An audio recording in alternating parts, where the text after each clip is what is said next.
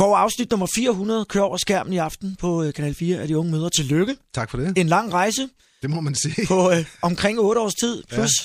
det løse. Det er rigtigt. Er udgangspunktet stadigvæk det samme som i 2005? Ja, det synes jeg. Det er jo stadigvæk øh, meget enkle historier om nogle unge piger, der har nogle børn, og som, som møder en masse modstand i deres liv, og som nogle af dem, de klarer det, og så er der meget, meget, meget få, som ikke klarer det. Det vil sige, at de har fået tvangsfjernet deres barn indtil videre, og så får de det måske tilbage, når der er gået noget tid, og de ligesom øh, måske har lavet nogle aftaler med kommunen eller sociale myndigheder, så, så fortsætter deres liv derfra, kan man sige. Men det er faktisk nogenlunde det samme. Er der forskel på de øh, mødre, som I mødte for 8 år siden, og dem I møder i dag? Altså, der er jo alligevel gået Ja, altså, tid.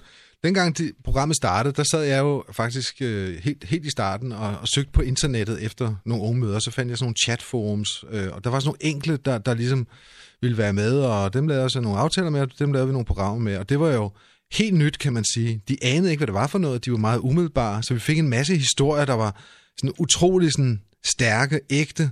I dag tror jeg nok, at de er noget mere bevidste, når de er med i de unge møder. Der er noget, der hedder Facebook i dag, og det er, alle ved, hvordan man ligesom er på det, og hvordan man eksponerer sig selv. Det gjorde de ikke dengang på samme måde. Så det er nogle mere medievandte unge møder, vi får ind i, i programmerne, men det er stadigvæk de samme problemer, vil jeg sige. Men jeg ved også, at I taler med dem, inden at de går ind i det her Det gør øh, vi. program. Er der nogen, som I øh, ligesom kan mærke er med for eksponeringens skyld, hvor I får sagt til dem, det, det er ikke nogen god idé Ja. at være med på det grundlag? Altså, vi, vi har haft nogen, som, som ligesom havde en forestilling om, at, at de skulle bare sidde i en stol, og skulle de sidde og fortælle deres historie. De, men vi skulle ikke følge dem i deres dagligdag, selvom vi havde forklaret det rimelig grundigt. Der var en situation, hvor der var en pige, der skulle ind, i, ind og handle ind, og så kom hun med sin barnvogn, og så følger vi lige barnvognen ind i brusen der. Det måtte vi ikke filme. Og så kunne vi godt se, okay, hvis ikke vi må filme, at hun går ind i brusen, øh, hvad må vi så filme overhovedet? Og der kunne vi godt se, det går ikke det her. Så fik vi en snak med hende og fandt ud af, at det var nok ikke lige sagen, hun var med i programmet. Briefer du dit øh, personale op på, at de ikke må altså, træde til som en hjælpende hånd? Hvordan undgår man at blive for involveret i det, så man ikke pludselig ja. dukker op uden for optagelsestid med noget mad, fordi at der er nogen, som ikke har øh, til munden ud? Altså, Ja, det, det, det er et meget godt spørgsmål, fordi øh, altså, vores tilrettelægger, de er jo i kontakt med pigerne næsten øh, 24 timer i døgnet. Og det er utroligt svært ligesom at sige, nu er jeg ikke i kontakt med dig, fordi jeg har også et privatliv. Men det snakker vi rigtig, rigtig meget om. Det er vigtigt at sige fra over for de unge møder. Det går ikke det der med, at man bliver deres gode veninder. De tror jo ofte, at vi er deres gode veninder. Vi er også deres gode venner i nogle sammenhæng, men når, når det gælder det med at filme dem og vise deres historier, der er vi jo stadigvæk journalister, og det er den journalistiske historie, der skal fortælles, uanset hvad de gerne vil have, vi fortæller. Så nogle gange har vi sådan nogle kontroverser med, at, at de unge møder siger, "Om den der historie, den vil, kan, kan, kan, kan I ikke udlade den, for det den er jeg ikke så glad for. Altså det, det går ikke. Der er vi nødt til at holde fast og sige, at vi fortæller hele historien. Det er også det, de er gået med til. Men det der med at give almisser og begynde at gå ind og, og intervenere i deres sociale liv og sådan noget, og give penge og sådan noget, det, det er helt udelukket. Det, det bruger vi slet ikke. Nogle gange så giver vi en frokost, hvis det er sådan, vi er ude og optage et sted. Det er meget naturligt, det skal falde på en naturlig måde. Men det der med, når så snart der er penge involveret, så er det ikke et dokumentarprogram mere, så er vi over i reality, hvor, hvor folk får penge for at være med.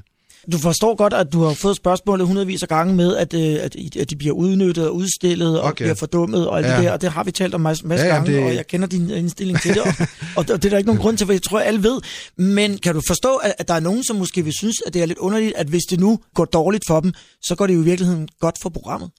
Det er et dilemma, som vi står med meget tit, ikke? Fordi øh, jo større, større konflikter, jo bedre seertal er der. Det, det viser al erfaring. Og hvis der virkelig er noget på spil, da, da vi lavede Stine-sagen for eksempel, som, hvor, hvor, hvor myndighederne tog hendes dreng, fordi de havde mistanke om, at hun havde slået drengen, øh, hvilket hun ikke havde, viste det sig. Der havde vi jo kanonhøje seertal. Altså, så, så man kan sige, så snart det gør rigtig, rigtig ondt, så er der rigtig mange, der gerne vil se med. Og hvis det er mere sådan en almindelig historie, så falder seertallet lidt, kan man sige. Ikke? Det forstår de ikke altid. Det vil jeg sige. Der har vi rimelig mange kampe med de unge møder. Og det, det skal vi jo også have, fordi øh, sådan er det med medvirkende. De, de gør modstand i dag, og de er mere bevidste i dag, end de var for otte år siden.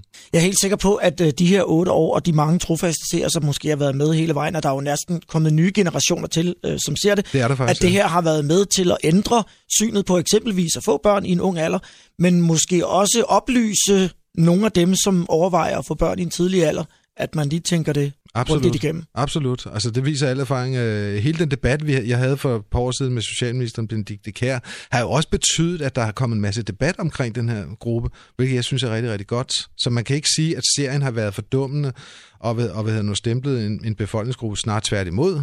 Den har været med til at bevidstgøre en masse ting omkring de her problemstillinger, som, som ikke var fremme for, for otte år siden overhovedet. Det er næsten en unge møder festaften, som starter på Kanal 4 i aften kl. 20. Tillykke med afsnit nummer 400, Kåre, og må ikke der kommer flere fra jeres hånd. Det håber vi.